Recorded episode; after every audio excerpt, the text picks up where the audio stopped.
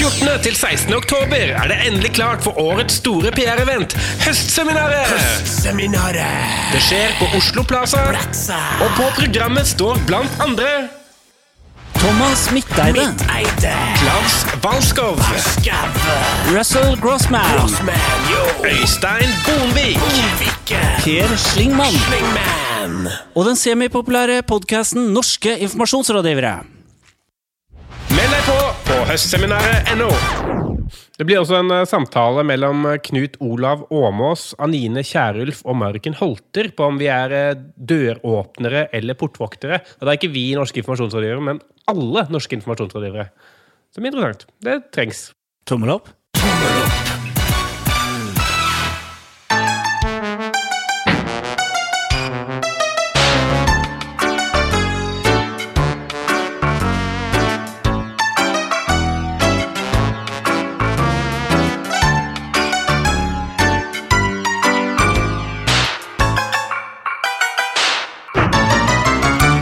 Hjertelig velkommen til eh, nok en utgave av podkasten Norske informasjonsrådgivere. Jeg heter Marius Staulen. Jeg sender fra Bodø i studio Oslo. Så har vi først og fremst Marius Torkelsen. God dag til deg. God dag, Marius. Jeg eh, er her eh, til deg. For deg. Du føler alltid at du må legge til noe. Altså, er det slik alltid? God dag, god dag. God dag, god dag, unge herremann. Hvordan står det så til med dem? Jeg er her for dem. Jeg er vant til å, å ta vare på den tiden jeg får. Da. Hvis noen gir meg en åpning, så bare holder jeg fast for harde livet. Bare spør teknikeren av denne podkasten, det vet han så altfor godt. Det er umulig å klippe i dine resonnementer, for det er så sammenhengende. Um, eh, men resonnementseksperten vår er vel Sindre Holme. Han er ikke her i dag. Um, vi har henta inn supererstatter Even Sandvold Roland. God dag til deg! God dag! Hvordan står det til i Vardø Hartmark? Du, det går så det griner etter. Vi leverer eh, resultater. Vi får eh, planer til å fly, og vi gjennomfører som bare pokker. Ja. Og dere driver fortsatt med management consulting. Det er helt riktig. Visste du at det heter 'det går så det gviner', ikke 'så det griner'? Det går så det gviner. Ja. Er det et utrydningstruet pattedyr? Aner ikke. Jeg vet ikke hva å gvine er, men eh, det er det det heter. Tror, ikke noe på det. Er det en talefeil, eller er det sant? Nei, altså det er sant. Det heter 'Det går så det gviner', og så har det med tid og stunder, og sikkert takket være eh, din arbeidsgiver og flere borti Akersgata, blitt 'Det går så det griner'. Kan det være fordi gviner ikke er et ord? ja, Antagelig er det det. Eh, vi får sjekke det med Språkrådet eh, til neste sending. Hva er egentlig dette gviner for noe rart? Men eh, vi trenger ikke å sitte og prate om gvinner og griner eh, hele dagen, for vi har eh, en sendeplan å forholde oss til. Fredrik Østby, som tidligere har leda Spoon, han skal starte ny business sammen med Per Hemly og digitalrådgiver Edmund Yang. Det melder kampanjen. Hva nøyaktig det de starta, er litt uh, i det blå for deg. Ja, eh, alle tre, eller i hvert fall to av tre, er jo beviselig flinke innenfor kommunikasjonsfaget. Tredjeperson tar fine bilder. Eh, og han sier det at eh, altså Fredrik da sier til kampanje at eh, vi skal ikke kalle oss et byrå. Vi vil ikke være avhengig av å bli plassert i én kategori, men de skal levere interaktivt design, sosiale medier, tekst, foto og kreativitet. Og kundene skal få lov å bestemme hvilken sjanger de er. Så hvis kundene bestemmer dere er iskremkiosk, så er de det. Det er sånn jeg tolker dette sitatet. Det er, det er jo typisk, eh, typisk eh, Og jeg er jo definitivt eh, både har vært og er en av dem selv, men det er typisk litt sånn selvhøytidelige kommunikasjonsfolk. Da, bare, altså, dette, dette her er faktisk ikke inne i noen sjanger i det hele tatt. Dette er så nytt og revolusjonerende at denne sjangeren finnes ikke. Uh, og vi vil ikke definere den sjangeren ennå, for det gir oss kreative begrensninger. Så dette her er bare totalt nytt. Jeg, er, på en måte er, er det jo smart å bare si sånn Vi gjør det folk betaler oss for. Altså, så kan jo hende det at det blir et byrå. Det, det er som regel det et byrå er. Eh, men kanskje de, de, de holder jo muligheten åpne for at de plutselig finner opp en app og lever av det. Ikke? Eh, Det, det fins jo en mulighet for. Så, så jeg får jo håpe at de lykkes med veien der. Eh, og siden det er så bredt, så kan de jo si at de lykkes uansett. Men, men, men det jeg lurer litt på, da, altså, er det, er det uedelt å bare si Vet du hva? Vi skal starte et reklamebyrå, og vi har tenkt å lage skikkelig bra reklame. Og vi håper å putte den på noen flater og noe greier, og så tenker vi at det blir gøy. Det, det der er så 2005. Det gjør man ikke i dag. Nei, det er, uh, du skal ha convergence. Uh, det er viktig hvis du skal gjøre noe. Ja, Ja, det, convergence er det som gir mest Roy. Det må det ikke være noe tvil om i dagens uh, PR- og kommunikasjonssamfunn. Ja, det er mye, mye, mye god råd i konvergens. Altså det er uh, Unnskyld, convergence. Det er uh, vesentlig forskjell. Uh, all right. Linni Meister, aktuell som deltaker i programmet Kongen på Haugen på TV3, har skrevet et innlegg på bloggen sin som antagelig overrasker mange. For hun tar for seg reality som konsept, med utgangspunkt i en påstand mange fremmer, nemlig at reality slett ikke er virkelighet, men noe regissert for å få det til å se ut som om det er ekte. Linni trekker inn både lingvistikere og filosofer i sin argumentasjon for at reality kan være like ekte som den ekte verden. For hva er egentlig virkelighet, spør Linni? Hva er ekte? Kan, og dette er et sitat. Kan man ikke si at reality-sjangeren blir stående som en metafor for både vår egen samtid og den menneskelige tilstand som sådan? Altså, dette, dette er jo eh, et fantastisk stykke kommunikasjonsarbeid. Eh, ikke sjans i havet om at hun mener dette, eh, men det er helt genialt kult at hun gjør det. Nei, det er noe litt sånn, eh, litt sånn Butenschønsk over det hele. Om jeg, Det er bra, det er viktig å holde den i live. Men det, er- jo gøy. Er jo, altså, jeg mener jo at eller jeg tenker, jo at liksom det at hun, hun gjør dette, vitner om mye mer selvinnsikt enn en det jeg ville trodd fantes der. For det, altså, det er jo et tydelig sjangerbrudd med resten av bloggen hennes, noe som igjen gjør det veldig gøy. Det er jo gjort for humor, tror jeg, på en eller annen måte. Eh, Og, og referansene er visstnok ikke feil heller. Eh, Og måten hun argumenterer på, for de som har vært inne på Blindern en gang, sier at dette, dette er riktig. Men, men det mest skremmende med dette, her, spør du meg, er jo Hvis du leser kommentarfeltet, så er det jo tilsynelatende en del mennesker som både tror at dette er helt seriøst, ikke ironisk, ikke noe som helst ment, og, og, og at det, det er seriøst, og at det er bra at hun gjør det. Og da lurer jeg litt på hva som har skjedd med verden. Det, det det virker som det er mange som bare ikke har lest blogginnlegget, og som bare har kommentert ting. Sånn, første kommentaren er bare sånn You are freaking gorgeous. Hvis du er en pen jente og bare sier masse smarte med Aha, aha, du er pen. linni.blogg.no. Sjekk det ut. Uh, vi har skravla oss eh, varm. Jeg sier hjertelig velkommen til NIR episode 122. Norske informasjonsrådgivere. Her om dagen så fikk sjefredaktør Tom Erik Thorsen i Varden ei eske i posten. I eska så fant han ti småflasker med til sammen en halv liter forskjellige typer akevitt til årets julesesong, samt akevittglass og en minnepinne med bilder og produktomtaler. Det er Arcus-gruppa som har vært på ferde, og ifølge fagbladet Journalisten har tilsvarende pakker blitt sendt til i alt 20 redaktører rundt om i landet. Jeg håper du finner tid i en hektisk hverdag til å lene deg tilbake og nyte våre produkter sammen med dine kolleger, skriver Arcus i et tilhørende brev. Og det var det mange som gjorde, for bare fire av disse kassene ble returnert. Ja, eh, og da de som ikke returnerte de har valgt å rase på journalisten.no. Eh, en av disse er eh, Tom Erik Thorsen i lokalavisen Verden. Han, han mener at dette her er, er dårlig av Arcus, for han har, har ikke bedt om akevitt. Og han mener også at det er litt sånn lite smakfullt av Arcus fordi når man vet forholdet mange i journalistbransjen har til alkohol, så er det ikke lurt å sende dem alkohol. Og, altså, og det kan man jo le av, det burde man jo, men det er, også, det er, altså, jeg, det kan være tilbøyelig til at kanskje han har, har et poeng, men samtidig så er altså, man, man må jo få lov til å at dette er den eneste måten spritprodusenter har å annonsere for, eller å promotere produktene sine på. Da. Eh, men jeg vet at vanlig, vanlig skikk er ofte at man sender ut et skriv og sier at vi har en ny akevitt, si fra hvis dere trenger vareprøver, fordi vi eh, sender ut det til tester osv. Så, videre. så kanskje de hopper over det steget her, da, bare tenkte at dette vil folk tenke på som en gave. Men, men altså, er det ikke litt rart av, av Varden-redaktøren å ta offerrollen på denne måten? Han, han, han sier jo nærmest at hvis, hvis, hvis de får noen flasker alkohol inn, inn døren, så kommer det til å gå, gå på felgen med hele, hele gjengen. ikke sant? Og det, litt, her snakker vi altså sånn Hva var det for noe? Sånn Seks, syv, åtte små sånne eh, Oslo lufthavn Gardermoen-type type smaksprøveflasker. Det er jo Det er jo ikke nok til, til en god fest engang. Arcus eh, de, de eh, legger seg jo da i hvert fall tilnærmet flat. De ytrer ikke ordene, men de sier at her har, har vi begått en feil. Og, og de mener at uh, her, uh, dette var gjort en gang før, uh, i, i fjor. Da fikk de ikke klager. Det ble gjort på nytt igjen i år. I år fikk de klager, altså har de gjort en feil. Uh, og Da kan man tenke da har de egentlig gjort to feil, for de gjorde jo akkurat det samme i fjor.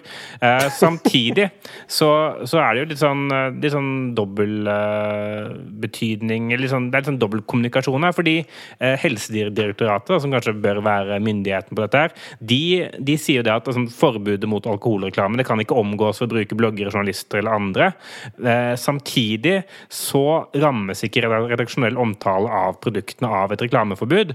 Så omtalen bør være initiert eller påvirket av, uh, uh, av eh, mediene selv, men samtidig så har de også et lov til å informere. Så, altså, det man sier, er det at regelverket er bare feil. Liksom det, det, de har ikke noe klar mening på noen ting her. Nei, men altså, det, det er ikke forbudt det Arcus gjør her, er det det? Altså, Nei, kan, nei. Jeg kan ikke alkohollovgivninga godt nok, men altså, det de har gjort, er at de har sendt ut 20 esker til noen forskjellige redaktører rundt omkring og sagt at her, her er noe å, å kose dere med. ikke sant? Selvfølgelig, det ligger jo implisitt at de ønsker produktomtale, men det er ikke sånn at de krever produktomtale, omtale, hvis ikke så må dere sende tilbake esker. Det, det som er litt, eh, litt på kanten her, er jo at de, de veldig klart og eksplisitte teksten oppfordrer eh, til, eh, til å få omtale. Og det er klart at det, det er jo ikke ulovlig, mest sannsynlig, det heller. Igjen, jeg er heller ikke jurist, men, men det er jo en litt uheldig måte å vinkle det på, fremfor å bare si 'her, vær så god, dette er en gave, kos dere'. Ja, og så er det litt sånn klønete PR-arbeid. Du kan jo si at sånn selve medieomtalearbeidet er ikke spesielt fiffig eller, eller, eh, eller subtilt. Det er, det er bare her, her er sprit, eh, smak på den, og skriv noe om det, da vel. Uh, Istedenfor å faktisk prøve å sette inn i en, en eller annen relevant setting. Hvis det er julesetting, så prøve å, å, å vise hvordan den kan kombineres med mat, eller invitere til et pressetreff hvor man faktisk kan kombinere eh, mat og møte en eller annen kokk som viser at akevitt er bra, og så har man et påskudd for å plutselig skrive en sak. Det er fremfor at bare 'her er sprit', skriv om det. Ja, men det er jo veldig lett for journalistene. Altså, her er sprit, skriv om dere hvis dere vil. Hvis ikke, bare drikk det. Ja, og det er sannsynligvis det Arcus har tenkt. da. Og tenkte I verste fall så koster ikke oss dette så mye mer enn seks småflasker akevitt. All right. Uh, vi har kommet til veis ende i resonnementet for deg. Skal vi gi en tommel opp eller tommel ned for uh, Arcus uh, sitt fremstøt her? Det lukter tommel ned, syns jeg. Ja, altså, det, er ikke, det, er, det er ikke et bra utfall her, så du kan, kan ikke si det var vellykka. Norske informasjonsrådgivere. Adblock-debatten har tiltatt gjennom eh, sommeren og høsten, eh, både her i Norge og andre steder. Washington Post har nå blokkert sitt innhold for alle brukere som benytter seg av eh, adblock-teknologi, noe flere nisjemagasiner som tech.no her hjemme også gjør. Kristian Haneborg i VG sier til kampanjen at en slik blokkering kan gi en kortsiktig gevinst. Even, du er mer skeptisk til dette her. Ja, altså jeg syns det er litt søtt da, at eh, norske mediehus med, med stadig dårligere budsjetter, stadig dårligere midler, stadig mindre folk, tror de kan hamle opp med en hel bataljon av illsinte hacker over hele verden som har ganske mye fritid. Som i at uh, det, altså det som ligger mellom linjene her, er at eh, det er nødt til å blokke adblock fordi at noen vil finne en vei rundt blokken av blokken. Ja, og, og de, de som skal fjerne adblock-blokken, har veldig god kompetanse. Eh, De har mye fritid, og de er drittlei av disse stygge bannerannonsene. Eh, samtidig som det er svært vanskelig sånn rent teknisk uh, for et mediehus å egentlig styre uh, hvordan en webside vises hos sluttbruker. Det ligger i internettets natur. Så, så dette er, er virkelig å fekte mot, mot vindmøller på mest mulig meningsløs måte, spør du meg. Mm, Men altså, hva, hva skal han gjøre da? Altså, det, man har jo eh, mediehus som faktisk trenger inntektene fra disse bannerannonsene. Hvis ikke så kan ikke eh, denne utgaven her eksistere. Det gjelder jo særlig for de som utelukkende er på nett. Altså, hva er alternativet til bannerannonser som tydeligvis veldig mange mennesker er lei? Altså det som er, det, det som er litt s- spennende med det det er egentlig ingen som har løst det på en god måte. I hvert fall ingen som har løst det sånn 100 Eh, Men eh, i, eh, i USA spesifikt har man sett en, fremvekst av altså, Kall det mikronisjesiter. Én ting er som å si at vi skal kun skrive om om sport, eh, så kall det en nisje. Men det er ikke det. Altså, hvis du kun skriver om eh, landeveissykling i Frankrike, så er det en nisje hvor det fins en betalingsvilje hos noen da, som er såpass høy at det faktisk går an å drive noe rundt det. Eh, og den, den makromodellen som som eh, kall det riksmedier eller større medier er avhengig av i dag for å levere, hvor man trenger stort volum av lesere eh, som de kan kapitalisere på med en form for mikrofinansiering i form av bannerannonser. Den modellen funker ikke fordi man har blitt for grådig og lagt på for mye annonser og hatt for mange eh, 30 sekunders videoreklamer for korte YouTube-klipp med babyer som faller. Er sånn, det blir for mye, da, og, og, og den balansen hvor det sånn eh, den der, hele den der flypapirteorien hvor man tenker at sånn, alt bare kommer til helt til det flypapiret faller i bakken. Eh, det er det vi begynner å se selv litt nå, at, eh, at vi har nådd toppen for hvor mye vi klarer å presse inn av annonseinntekter på en sidevisning, og når vi begynner å plukke ting bort igjen for faktisk finne et produkt som folk er villige til å betale for. da. Ja, for På slutten av dagen så må vi få Eller så ikke vi. På slutten av dagen så må mediene rett og slett få folk til å bla opp. Altså, jeg tror ikke nødvendigvis brukerbetaling er, er hele løsningen her, men det er klart at eh, som, som Marius er inne på, så er det denne fremveksten, denne eksplosjonen av adblock-bruk, er en klar beskjed til mediehusene om at folk er lei av måten reklame presenteres i, i nettmediene, og folk ønsker noe annet. ikke sant? Eh, Så vil det dukke opp nye eh, annonseformater i kjølvannet av det. Noen prøver seg på content marketing, såkalt. Noen, eh, f.eks. YouTube, prøver seg på, på annonser som kan skippes, men hvor du må se de første sekundene. Facebook prøver seg på en veldig integrert og veldig spisset veldig målrettet form for annonsering, der gode annonser belønnes prismessig på, på, på børsen deres. Så her er det mange, mange veier inn. Men én ting er i hvert fall helt sikkert, og det er at det at man ikke åpenbart ser en klar og tydelig løsning for hva fremtiden skal være, rettferdiggjør ikke å fortsette å gjøre noe som åpenbart ikke fungerer. Og, og der synes jeg det er jo en trend liksom, i alle de større liksom, bransjene som vakler. da. Sånn, eh, vi vi snakka om Popcorn Time og filmbransjen her forrige uke, som, som sliter litt med det samme. At man prøver å holde fast på en modell som har fungert en gang, men som i dag ikke fungerer like godt. Eh, fordi man ikke vil akseptere den nye teknologien, eller ikke kan fordi det er så mye strukturer rundt som gjør at man ikke klarer liksom, å omfavne det.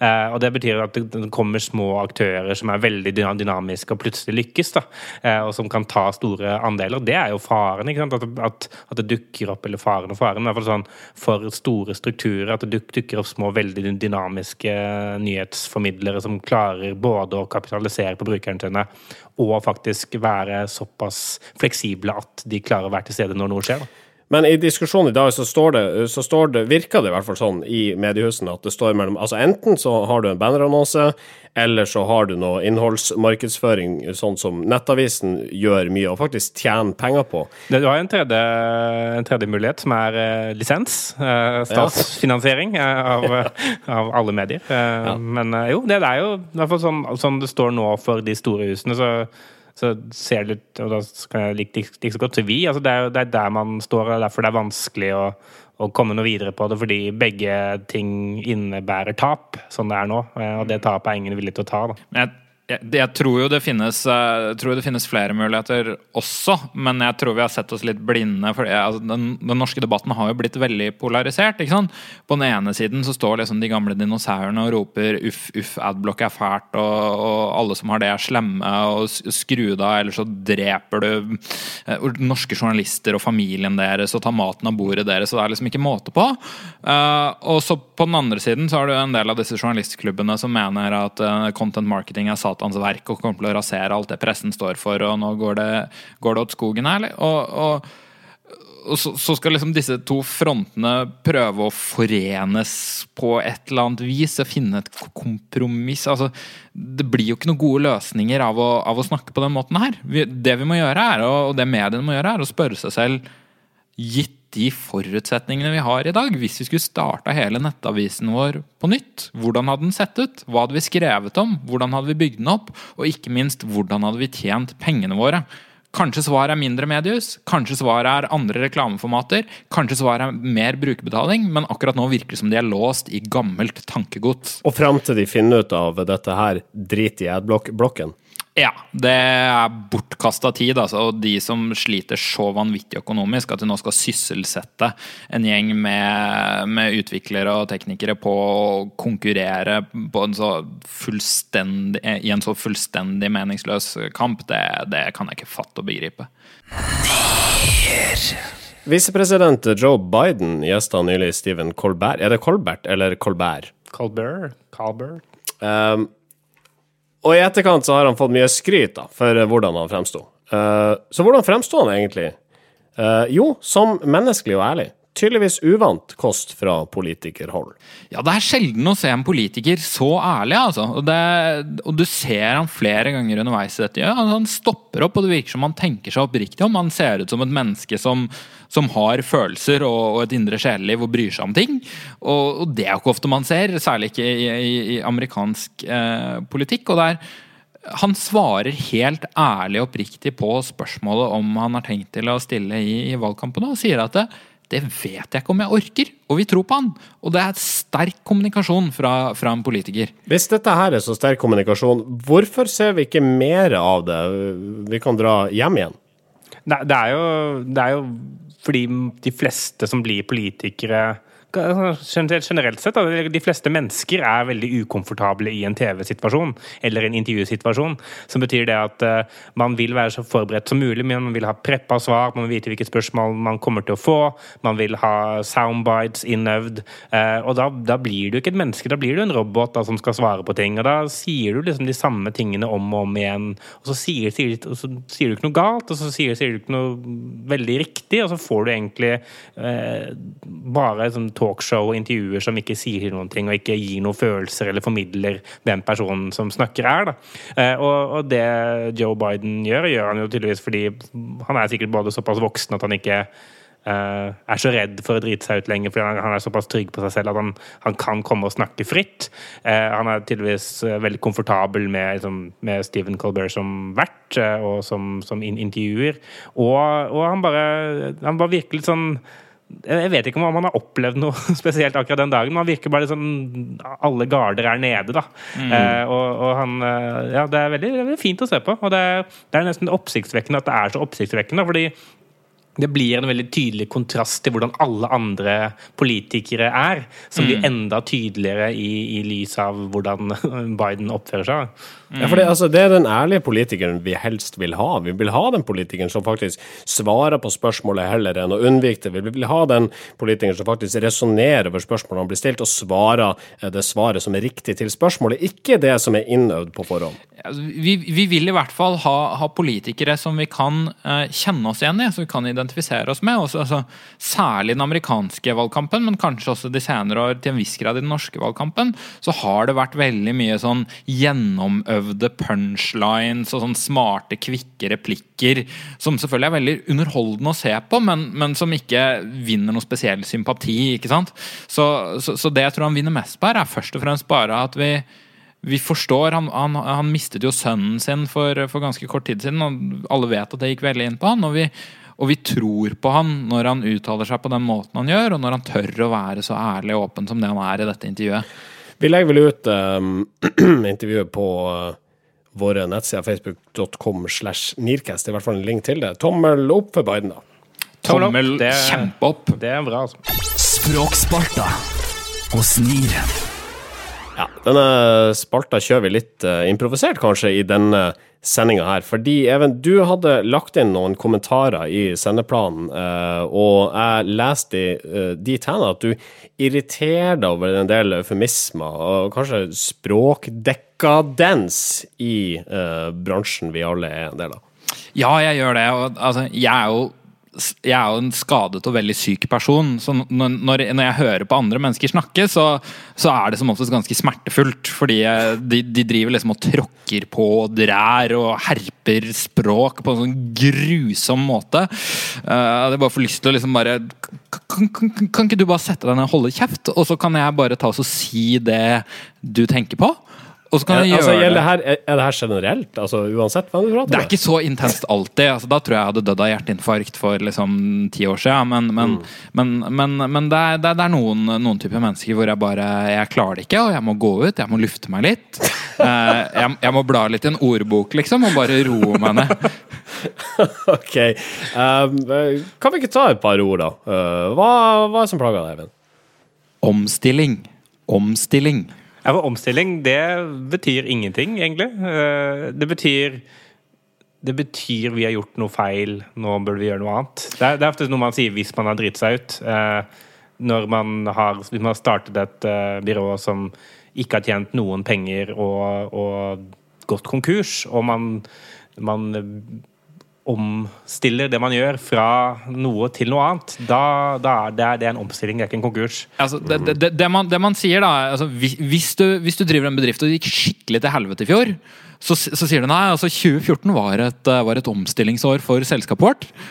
Og det, det du egentlig prøver å si, er at vi dreit oss ut skikkelig, og vi tjente ikke noe penger. Men så sier du nei, det var et omstillingsår, Fordi at da får du det til å høres ut som om alt gikk som planlagt. Og For da, dette, for da høres det proaktivt ut. ikke sant? ja, ikke sant? Dette, dette var en situasjon som vi aktivt håndterer. Nå, nå tok vi et omstillingsår for å liksom ordne opp i ting, og nå er det bra. Og da har vi sikkert også den derre at vi tar nå grep for eh, å håndtere dette her. Vi har investert investert mye i driften av selskapet i året som har gått. Eh, Ja. Ja. Hilsen Daniel Eklund.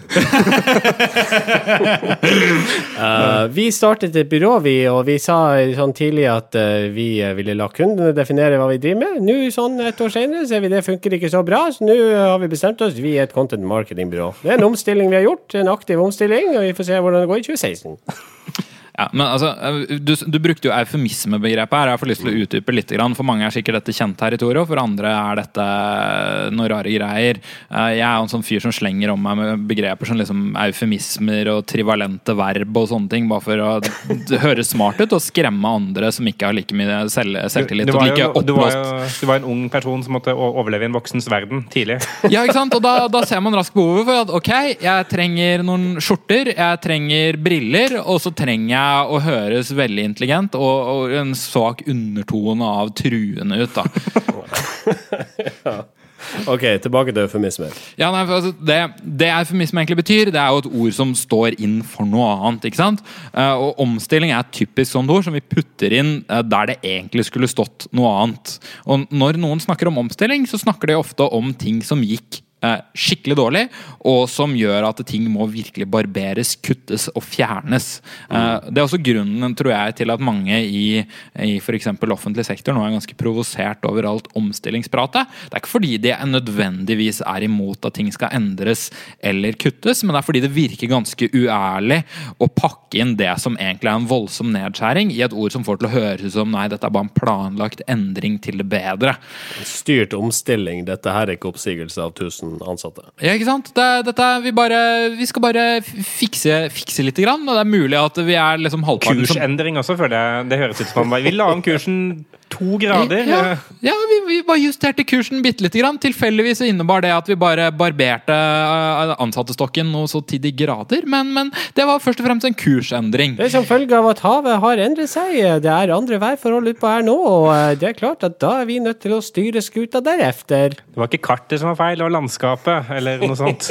Altså, det du må skjønne, er at vi opererer i et veldig komplekst marked med mange parametere, og det er veldig konjunkturavhengig. Og derfor så er det klart at eh, når ting ser ut som de gjør, så, så var det nødvendig med en, med en omstilling. Skal vi, skal vi snakke litt om innovasjon, da? Ja, la oss det. Ja. Innovasjon er jo noe som egentlig eh, betød noe, helt til eh, en masse toppledere som hadde lyst til å høres fremoverlent ut, kom og bare raserte alt sammen. Eh, Det innovasjon betyr, er jo egentlig ikke nødvendigvis noe alle vil ha. Og Derfor er det litt rart at det er så mange som snakker om det.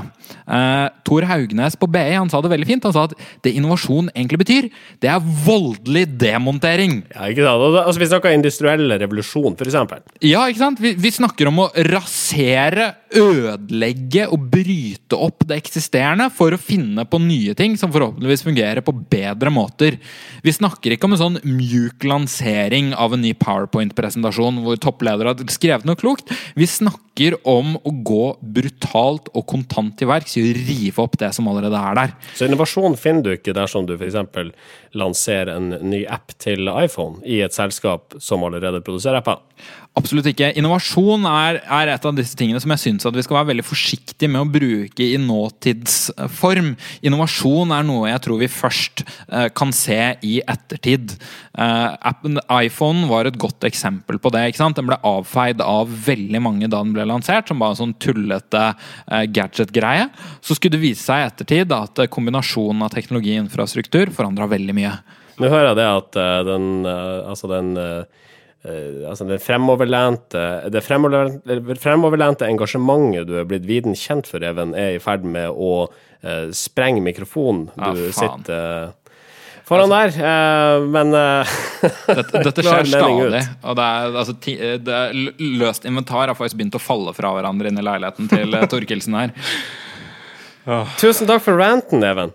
Altså, jeg, jeg har flere, men eh, En senere anledning. En senere anledning. Ni av ti nordmenn elsker Et representativt utvalg av nordlendinger viser at Sørlendinger mest skeptisk til Volvo. hordalendinger best i senga. Kvinner mest opptatt av mild. Oppland på brokkolitoppen. Ukas undersøkelse. Ja, den eh, jingen er det lenge siden vi har eh, hørt, men vi eh, har hatt denne spalta ganske mange ganger, men nå begynner det å bli en stund siden, Marius. Ja, jeg savna denne spalta, fordi eh, det er, altså, det, er, det, er, ikke sånn at eh, PR-folk har sluttet å bruke undersøkelser som verktøy hvis de vil ha omtale på noe. Det er bare det at vi har ikke eh, fokusert så mye på det. Vi har ikke belyst det med lupe og lykt. Men det skal vi gjøre i denne sendinga her. Ja, det skal vi. Eh, For det er jo, det er et eh, velbrukt eh, grep. Og, og det er et grep som, det, som funker altfor ofte. Dette er jo mer en fallitterklæring til journalistene. Eh, hvis de får statistikk, så skriver de om det eh, oftere enn ikke. Det, og det kunne jo f.eks. Arcus ha lært av. Hvis de hadde sendt eh, et, eh, en pressemelding til verden sammen med denne akevitten, så kanskje, eh, hvor de sa at Skiens folk foretrekker akevitt mer enn Porsgrunn-folk, så eh, hadde de fått omtale på det. så, men det, det du prøver å si, er at det er to ting som norske journalister ikke klarer å styre seg med. Det ene er alkohol, og det andre er undersøkelser. Ja, det, og hvis du kombinerer de to, da er det, det er knallsterkt. Da er det fest eh, i redaksjonslokalet. Hvor, altså, gjør litt rede for metodikken din her. Metodikken er ikke ulik flatindeksen. Jeg har gått gjennom eh, et eh, søk eh, på litt sånn forskjellige undersøkelsestermer for uken som har gått, og telt opp hvor mange undersøkelsessaker har vi hatt. Og så har jeg funnet frem et par som jeg syns er morsomme. Det er ikke, det er ikke noen sånn kåring her, det er bare litt sånn artige saker som er verdt å trekke frem. All right. La oss trekke frem noen saker. Ja, eh, Den første saken har en veldig fin overskrift, og vi finner saken på kampanje.com, vår alles eh, felles eh, binge av kommunikasjonsstoff. Overskriften er 'Sju av ti ledere gjesper av sosiale medier'. Og her har altså eh, noen, eh, et mediebyrå som heter Maxus, sammen med AdQuota, som eh, er et sånt eh, annonsenettverk, eh, de har gjort en undersøkelse blant eh, norske ledere på hvorvidt ledere finner innhold i sosiale medier engasjerende eller ikke. Og sju av ti engasjeres ikke av dagens innhold i sosiale medier. Som sier meg ingenting, men eh, Maxus, eh, som er avsender der, de- mener at dette, dette viser at her er det altfor lite inspirerende innhold. Det er forklaringen. For få legger for lite ressurser, nei, for mange legger for lite ressurser i innholdsproduksjon, og beslutningstakere har høye forventninger til innhold, og produksjonen bør gjøres da deretter. Og Maxus de lager jo inn- engasjerende innhold, da. Altså, den, den, den åpenbare løsningen her er jo at vi må få flere bilder av solnedganger og folk som jobber sammen, og båter med inspirerende sitater på internett. Omdømmepop føler jeg er eh, Det har vi dekket før en gang. Det trenger vi jo. Kan vi ikke alle sammen synge en sang og se om det blir bedre? Veldig god idé. All right. Uh, flaks, da, for alle de som uh, mottok ja, pressemeldinga eh, av ja, ja, jeg vil trekke inn ett siste sitat som, vi kan, som er til ettertanke for alle. Eh, Michael Legendre, eller Legendre, litt avhengig av hva man vil si. Han sier, han sier skal man lykkes med å engasjere ledere, må man produsere innhold som engasjerer også utenom arbeidstid. Altså det. Hva betyr det for noe? Jeg vet ikke. All right. Har du flere undersøkelser? Ja, en, eh, en til som eh, man kan tenke Er ikke dette litt kjedelig, da? Men eh, det syns ikke din side. de har valgt å skrive om det. Eh, Din side de har en sak hvor overskriften er 'Slik blir tapetsering så lett at alle' i gåsetegn kan, klare, kan greie det. Altså sånn hvis du har gikt, da, så kan du ikke klare det fortsatt. Da. Hvis du er lam i hendene, så ja, klarer du et lam i hendene, eller Fra armene og ned. Ja, hvis du har, har lett, eh, lett retardasjon, så kan du fortsatt klare det. Ja. OK. Greit. Eh, Men eh, de, de eh, presenterer da en eh, meningsmåling utført av eh, analyseinstituttet eh, YouGov for eh, byggmaker. Og de, der viser man det at det er maling, beising og sparkling som står øverst på lista over innvendig oppussingsarbeid. Og det er tre ganger så mange som vil male kontra tapetsere. Men tapetsering det er ofte veldig enkelt, og byggmaker de har et hav av produkter som man kan bruke for å gjøre eh, tapetseringen eh, lettere. De har bl.a. Eh, en kvalitetstapet som heter Easy Up, som gjør det lekende lett å tapetsere eh, hvor du vil, når du vil, og du trenger ikke å ta på en malerkost igjen, eh, visstnok. Riktig. Og leken er lett, det var sitat fra saken. Det var et eh, sitat fra en ikke navngitt kommunikasjonsarbeider i Byggmaker. Jeg vet ikke om han har latt være å uttale seg i skam. Det kan også hende at det er en kvinne. Det, det vet vi ikke. Nei, vi vet jo ikke det. Ja, jeg tenker jo igjen, altså, eh, Hvilken flaks er det ikke for folk der ute som har tapetaversjon, at byggmaker faktisk har løsninger til dem? Og at de kunne lese om det i din side? Ja, det er sånn at Du trodde du vil male, du. Du vil ikke det, vet du. Se her.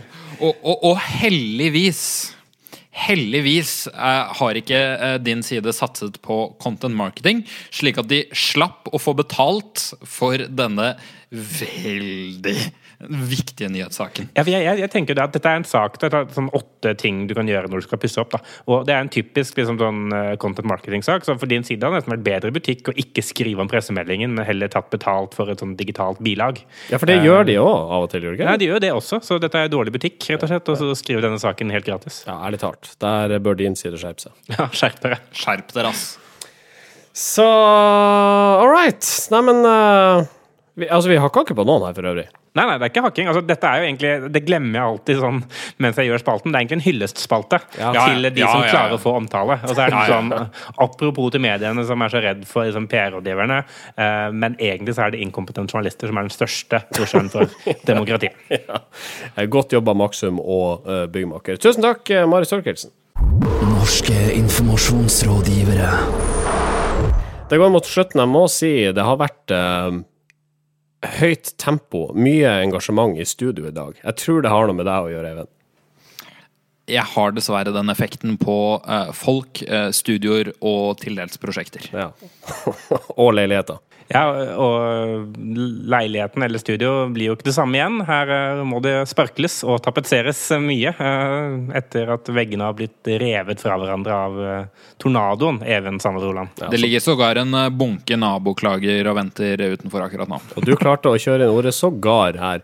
Det er også veldig bra. Så da er det rett av gårde til byggmaker, da, Marius T, og kjøp ting som kan revolusjonere tapetseringshverdagen din.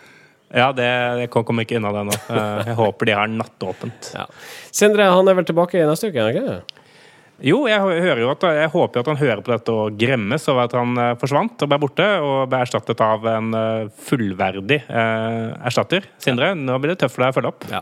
Og det har vært veldig hyggelig å ha deg her, Even. Og vi er nødt til å ta med også at du har faktisk berga oss på opptakssida også i dag. Marius, det kan du gjøre rede for. Ja, jeg eh, For en gangs skyld jeg tenkte jeg la meg teste om alt utstyret funker. Jeg vil at ting skal være eh, spot less når eh, Even dukker opp. Og da fant jeg ut det funker jo ikke i det hele tatt. Denne PC-en har jo tatt eh, kvelden, så, så vi måtte eh, kontakte Even en time før sending og si du, du må være den som tar opp i dag. Og, Forresten, altså ikke nok med at du skal være gjesteprogramleder, men du er også faktisk lokaltekniker. Ja, men det er, eh, det er en glede å, å bistå. Nå var jeg fristet et lite øyeblikk til å tulle med at jeg hadde glemt å trykke på record, bare for å sjekke hvordan dere hadde reagert. det har vi gjort en gang før. Ja, jeg tror ikke det er bare én gang. Nei, Og jeg kjenner pulsen hoppe hver eneste gang det skjer. Det er kjipt å sitte og spille inn i en times tid, og så er det ingenting som har tatt opp. Og det har også skjedd før. Vi har tatt Ja, ja. opp ei sending to ganger en gang fordi at noen glemte å trykke på record. La oss ikke navngi vedkommende. Nei, la oss ikke. Mathias, han er ikke her i dag. Nei. Nei, men han skal forbli anonym. Even, eh, takk for at du stilte opp. Kommer du tilbake senere? Selvfølgelig. Jeg kommer alltid tilbake så ofte jeg får lov. Bare jeg får lov til å rante litt, skal jeg love å ikke svelge mikrofonen neste gang. Hva, hva gjør folk hvis de har lyst til å kontakte deg sånn ellers, eh, når du ikke er her? Eh, Jeg, jeg er på, overalt på internett som eh, Even SR, eh, så det er bare å tweete og poke og bing-bing og uface og hva enn folk driver med nå.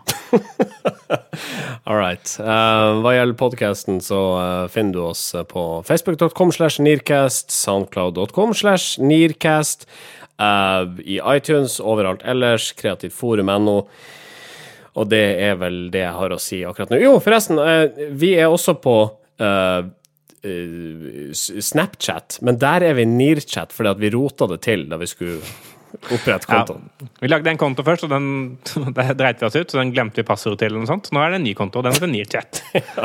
Så vi var konsekvent helt fram til vi tok steget inn på Snapchat. Ja. Ja. All right. Neimen, uh, takk for i dag, gutter. Vi høres igjen eh, om ei uke fram til da. Ha det! Ha det! Norske informasjonsrådgivere.